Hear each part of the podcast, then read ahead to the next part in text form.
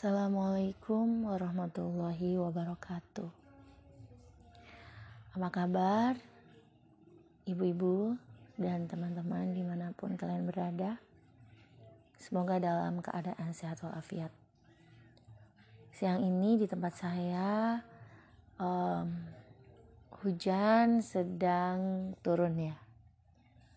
Tadi sih lumayan gede, tapi sekarang gerimis-gerimis gitu deh. Oke. Okay. Uh, kita baru aja ngomongin tentang inner child. Tapi saya belum tadi ngomongin inner child dengan tazkiyatun nafs. Tapi saya belum memberikan uh, apa ya sebuah tips yang pernah saya lakukan um, untuk menyembuhkan inner child jadi yang pertama adalah kita harus apa ya sadar bahwa kita punya inner child.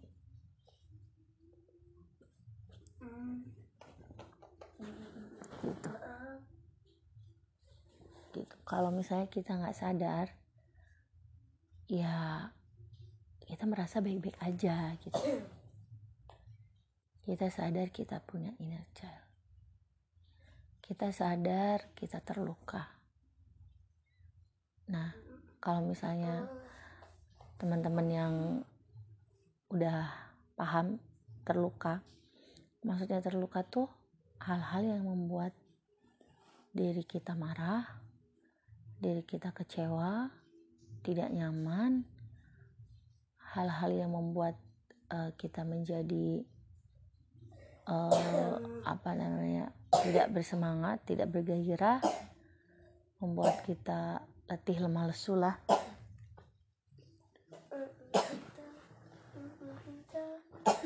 Membuat kita tidak punya semangat hidup misalnya.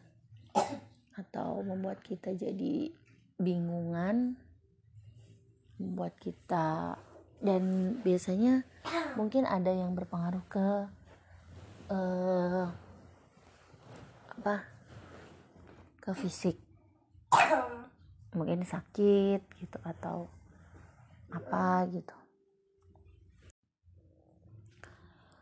Dan saya pernah punya ya um, yang pertama dari intinya gini kita melepas beberapa hal yang kurang nyaman dari kita. Jadi kalau dulu kita ini tertutup, memendam perasaan ketika kita marah, ketika kita sedih, ketika kita merasa kecewa, tolong diputus. Mulai saat ini, ketika kita dalam keadaan marah, sedih, kecewa, maka harus segera disalurkan disalurkan melalui apa? Jadi itu kan energi ya energi negatif gitu. Disalurkan jangan dipendam. Disalurkan itu banyak sekali medianya. Bisa melalui cerita kepada orang terdekat. Baik itu uh, orang yang kita percaya ya. Uh, baik itu melalui verbal atau kita menulis dan biasanya ke WA gitu. Aku lagi sebel gini gini gini gini gitu atau misalnya kita cerita telepon nggak apa-apa. Kemudian bisa juga dengan audio seperti ini merekam bagaimana kesalnya kita gitu. Boleh. Setelah itu setelah sebelnya hilang dihapus. Atau bagi yang suka menulis menulis. Intinya salurkan.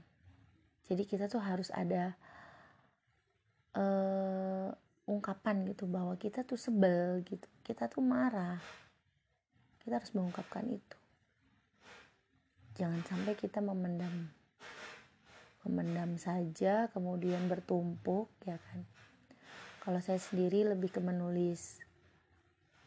Ketika menulis tuh kayaknya uh, kekalutan ya. Maksudnya hal-hal yang membuat saya marah atau kecewa itu bisa langsung bukan bisa saya terima dan saya memaafkan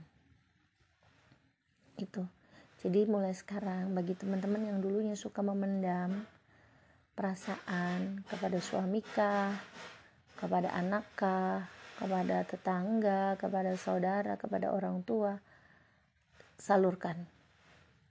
Ibaratnya kita harus uh, jujur pada diri sendiri. Kita mungkin nggak akan bilang ke nggak akan bilang ke mana ya ke orang tua kita aku sebel sama ibu gitu aku sebel sama bapak. Gitu. Jadi hal yang paling penting kita salurkan dulu.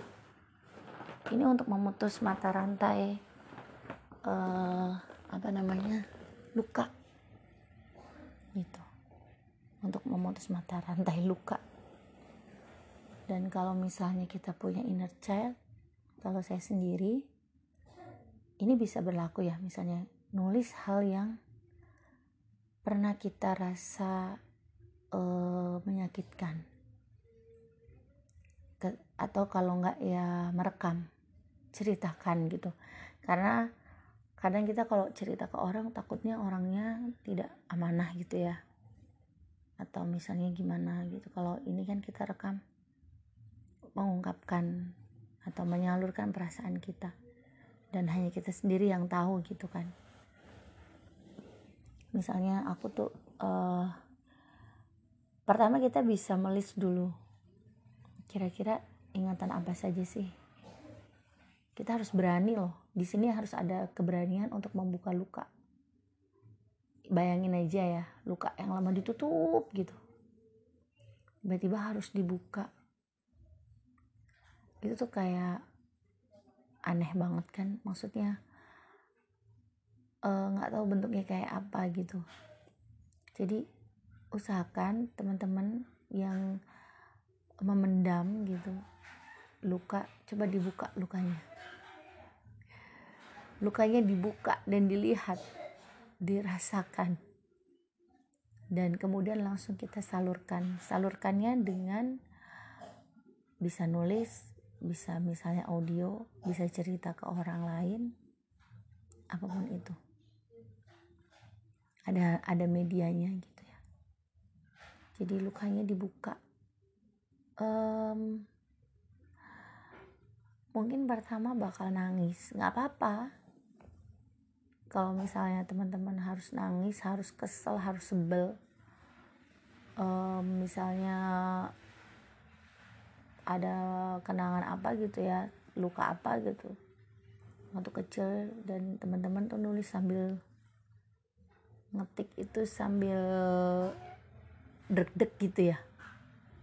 Sambil deg-deg sambil mata berkaca-kaca nggak apa-apa. Nikmati dulu. Setelah selesai tuh bakal pelong banget rasanya. Ya ampun aku bisa melewati ini karena balik balik lagi ya tiada hal yang membuat kita uh, lega dari inner child. Kita nggak boleh lari kita nggak boleh melupakan kita nggak boleh mengalihkan. Kita menerima menerima dan memaafkan itu. Jadi kalau misalnya punya luka dibuka lukanya. Dibuka lukanya. Ya pelan-pelan sih maksudnya uh, bisa lalu uh, merekam gitu. Terus kemudian uh, bisa juga dengan tulisan.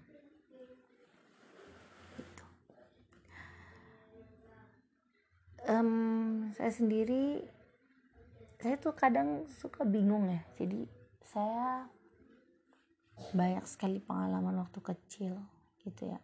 SMP SMA yang saya ingat tapi begitu se selesai menuliskannya saya sudah lupa. Aneh kan? Jadi ketika saya sudah nulis itu tuh saya sudah plong aja lupa gitu dengan saya nggak inget lagi cerita tentang itu. Ini bukan kaitannya dengan inisiat atau apa tapi di dalam tulisan tuh akhirnya kita kan otak kita terbatas gitu ya. Kita nggak bisa mengingat banyak hal dari masa lampau gitu ya ke sekarang kayak capek banget gitu kalau harus semua diingat. Terlebih yang diingat adalah hal-hal yang membuat kita sedih dan kecewa. Itu berlipat-lipat capeknya. Makanya saya di kemarin di pengalaman saya saya nulis pengalaman-pengalaman saya ketika dulu saya ngapain. Dan setelah itu saya lupa dengan pengalaman-pengalaman saya itu. Udah aja seperti hilang ditelan debu aja. Tapi bekasnya ada kan tulisan saya yang bisa setiap kali saya baca itu ajaibnya menulis jadi di diingatan itu lupa di otak itu lupa di pikiran itu lupa uh, tapi saya bisa baca tulisan itu berkali-kali. Cerita itu. Nah untuk selanjutnya saya kalau ada masalah atau hal-hal yang mengganjal saya langsung alirkan ke tulisan. Nulis apa aja gitu yang mengganjal buat saya. Yang mungkin EGD-nya berantakan, SPOK-nya tidak jelas. Yang penting eh, saya sudah menyalurkan apa yang saya rasakan. Dan itu benar-benar plong banget. Ibaratnya satu tantangan satu hal yang akan menjadi luka itu akhirnya sembuh gitu nggak jadi luka gitu uh, kalau dulu butuh bertahun-tahun ya untuk menerima gitu um, untuk menerima gitu. Jadi kayak kalau kalau hati itu kayak rumah gitu ya. Jadi ada sudut-sudut kecil yang di situ tuh uh, sudut rawan. Sudut rawan itu kalau misalnya kita ke sudut itu ingat ingat uh, masa lalu gitu. Ingat hal-hal yang membuat kita kecewa gitu. Akhirnya kita mau bergerak tuh berat. Karena kita masih uh, berkaitan dengan sudut itulah sudut itu sudut trauma itu sudut luka itu. Jadi kalau sekarang saya sudah mulai melepas semua hal-hal yang membuat saya berat salah satunya adalah trauma gitu atau luka masa masa lalu jangan sampai uh, cukuplah saya membersamai anak saya masih dalam luka ya. Untuk sekarang saya nggak mau saya pengen lebih sehat secara fisik dan mental. Jadi usahakan untuk kalau saya lebih senang nulis mungkin ada teman-teman lain yang yang senengnya seneng ngomong. Itu maksudnya seneng ngomong yang cerita ke teman atau apa gitu. Ya ibaratnya gini kita nggak usah kalau saya sendiri nggak nggak suka ke medsos ya karena um, kadang perasaan-perasaan luka itu atau kecewa itu hanya sebentar sebenarnya. Kalau kita telah lagi kenapa sih kita harus kecewa gitu? Kenapa sih kita harus marah? Gitu kan. Ya jadi saya nggak mau nanti medsos saya itu banyak banget curhatan gitu. Kalau tapi kalau misalnya ada yang suka cerita di medsos silakan. Saya lebih senang nulis di buku aja. Kalau di buku itu lebih privasi gitu dan hanya saya yang tahu. Kalaupun saya mau marah semarah-marahnya hanya saya yang tahu gitu. Yang penting saya menyalurkan apa yang saya rasakan. Jadi stop di kita stop di orang tua. Inner child harus stop. Supaya tidak membebani kita ketika bersama anak dan kita tidak memberikan warisan. Warisan apa ya? Warisan inner child kita ke anak gitu. Itu sih yang yang lagi saya belajar hindari. Gitu ya. Jadi um, itu bagian dari psikologinya cara mengatasi inner child. Dan bagi bagi saya uh, ibaratnya inner child itu kan sebuah takdir. Kita nggak pernah minta tapi diberi gitu. Dan ini bagian dari mungkin pembelajaran yang ingin diberikan yang ini yang ingin ditunjukkan oleh oleh Allah ke kita. Gitu ya berpositif positif aja dengan semua takdir yang Allah beri gitu. Meskipun itu bentuknya child kita memang butuh teman gitu. Tapi balik lagi teman yang memang kita satu frekuensi gitu. Bukan teman yang menjur menjurumuskan. Teman yang uh, mampu menggandeng kita lah gitu ya gitu sih.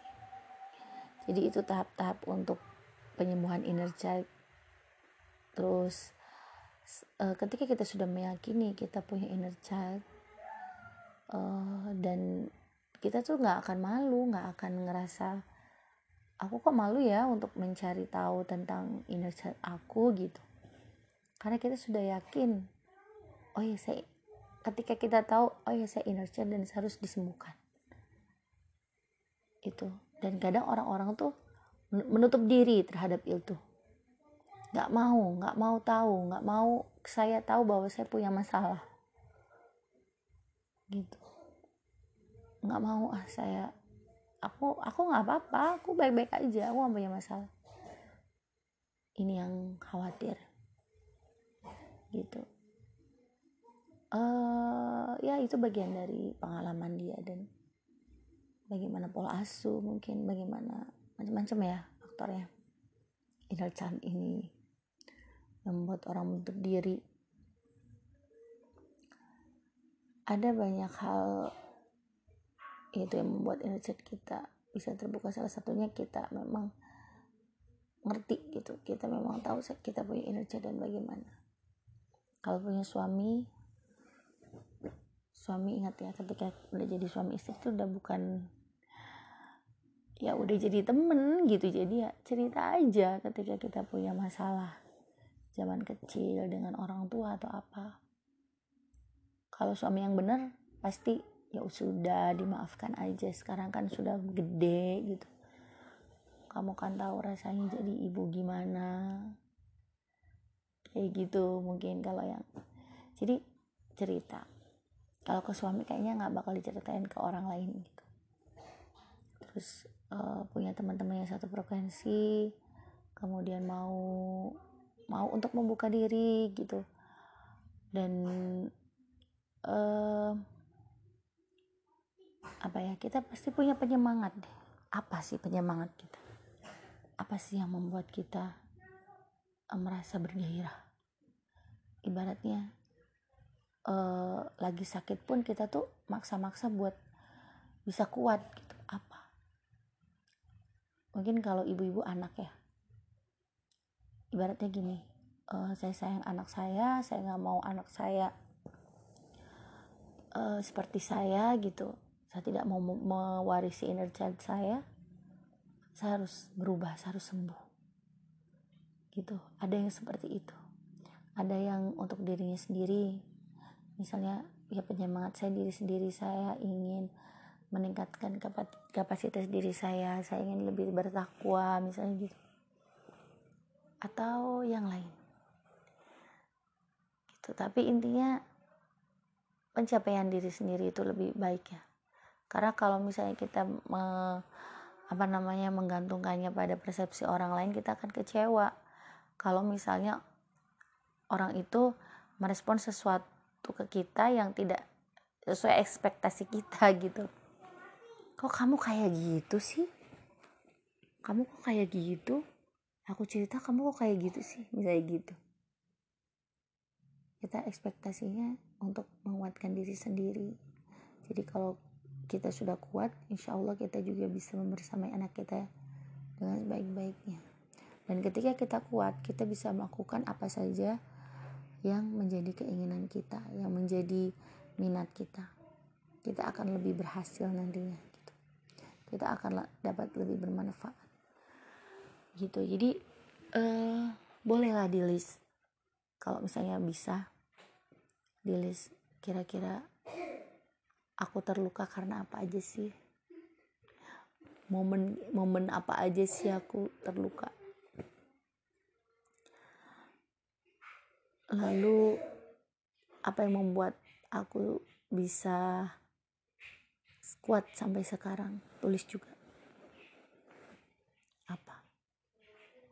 Apa yang membuat aku meskipun dibolak-balik bolak-balik dengan perasaan dengan keadaan inersia tapi aku masih tapi tetap berdiri kokoh.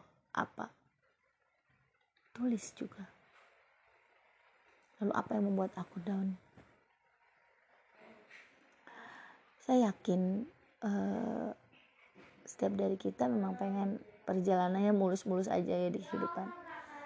Tapi saya yakin juga bahwa nggak setiap bahwa Allah tuh menciptakan kita tuh ya untuk uh, kita berpikir untuk kita um, apa ya namanya uh, untuk kita terus belajar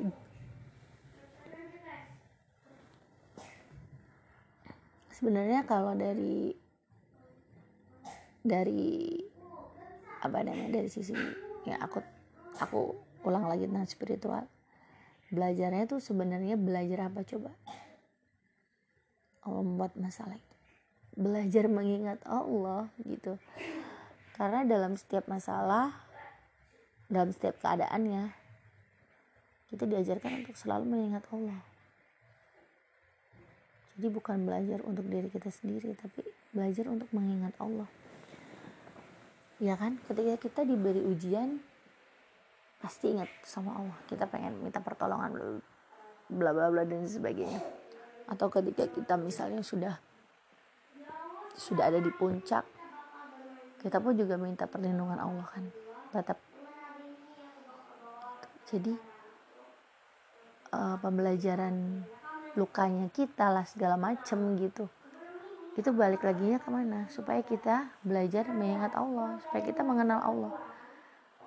Gitu. Itu jadi jadikan inner ini sebagai sebuah rasa syukur. Terima kasih sudah diberi child.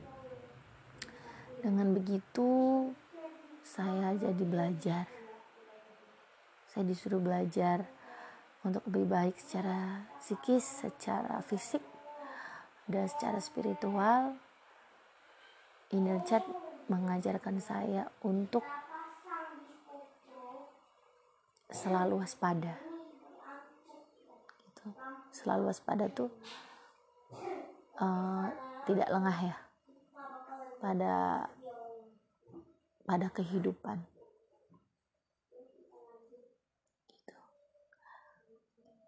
karena kalau fenomena inacer itu seperti gunung es. Di dalam mungkin di dalam gede gitu ya. Tapi kelihatan di atas tuh kecil. Jadi kemungkinan orang-orang yang punya inner child tidak kelihatan karena dia sudah terlalu banyak nutupin gitu. Terlalu, banyak numpuk. Terlalu banyak pakai topeng lah ya gitu. Lalu malu nggak sih ngebahas inner child uh, kalau saya sendiri awalnya memang menutup diri ya. Denial gitu penyangkalan. Oh saya nggak apa-apa. Tapi semakin kita bilang nggak apa-apa semakin kita bermasalah. Gitu. Kalau sekarang saya lebih ke arah terbuka. Terbuka uh, tapi saya di situ sambil belajar saya tidak hanya ngumbar tapi saya sambil belajar belajar untuk menerima makanya saya kan nulis nih Nah, jadi saya belajar nulis juga. Dan saya juga belajar menerima juga gitu. Gitu, teman-teman. Jadi teman-teman semoga ya uh, apa yang kita sudah dapatkan gitu ya. Entah apa pun itu dari Allah itu adalah takdir terbaik. Sekalipun itu energi yang membuat kita harus pontang panting untuk menyembuhkannya gitu. Dan kita tuh kayak ya jadi ibu yang tidak sempurna untuk anak-anak itu karena kita mewarisi inner child gitu ya. Dan tapi harus diyakini satu hal bahwa anak-anak itu sudah diatur segalanya sudah ditulis. Takdir mereka tuh sudah ada. Jadi tak perlu khawatir kita menjadi beban kehidupannya. Gitu. Intinya tadi kita belajar mengenal Allah dengan berbagai macam masalah tantangan. Kita belajar uh, mengingat Allah dalam keadaan apa pun. Kita belajar untuk saling uh, memahami sesama gitu ya. Gitu oke baik. Teman-teman mungkin kalau misalnya ada yang kurang nanti bisa chat-chat saya lagi. Siapa tahu nanti saya bisa menambahkan. Karena saya yakin inner child ini adalah tantangan bagi semua orang. Tantangan bagi semua orang karena setiap orang itu memiliki ujiannya masing-masing ya kan? Jadi jangan khawatir uh, kita bilang oh dia nggak ini chat kok dia oke okay aja dia bahagia aja. Hei belum tentu gitu. Siapa tahu di dalam lukanya sebenarnya memendam luka yang sangat-sangat luar biasa. Dan ketika kita belajar inner child uh, kita jadi lebih aware terhadap orang lain. Gitu. Cuman uh, kita lebih aware gitu ya. Tapi kita pun juga harus memberanikan diri untuk mengatakan atau untuk hey kamu nggak boleh gitu kamu nggak boleh uh, merasa takut untuk membuka inner child kamu gitu. Kamu nggak nggak perlu menyangkal inner child kamu gitu. Kita ngasih apa yang ngasih masih pemahaman itu. Justru inner child itu harus diungkap supaya sembuh. Kalau semakin dipendam semakin jauh ke dasar jurang kita ngambilnya susah gitu kan akhirnya kita butuh ber waktu lama lagi. Numpuk lagi numpuk lagi kan. Teman-teman saya pun juga sedang terus untuk uh, mencoba ya barangkali apakah ada luka-luka saya yang terserak. Berserakan semoga bisa dipungut ya kan dan dimaafkan. Bukan dibuang juga dipungut gitu dan aku menerima ini dan kemudian aku melepasnya lagi. Melepasnya dengan menulis dengan um, misalnya audio ini nih merekam atau apa pun lah. Baik teman terima kasih. Aku tadi udah udah pamit malah ngomong lagi ya?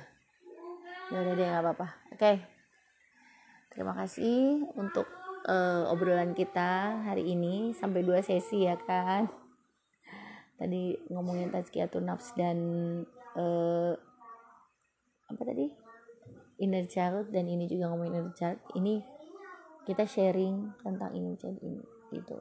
Dan tazkiyatun nafs jadi uh, terus berjuang. Semangat gitu karena anda istimewa. Selalu istimewa ya. Assalamualaikum warahmatullahi wabarakatuh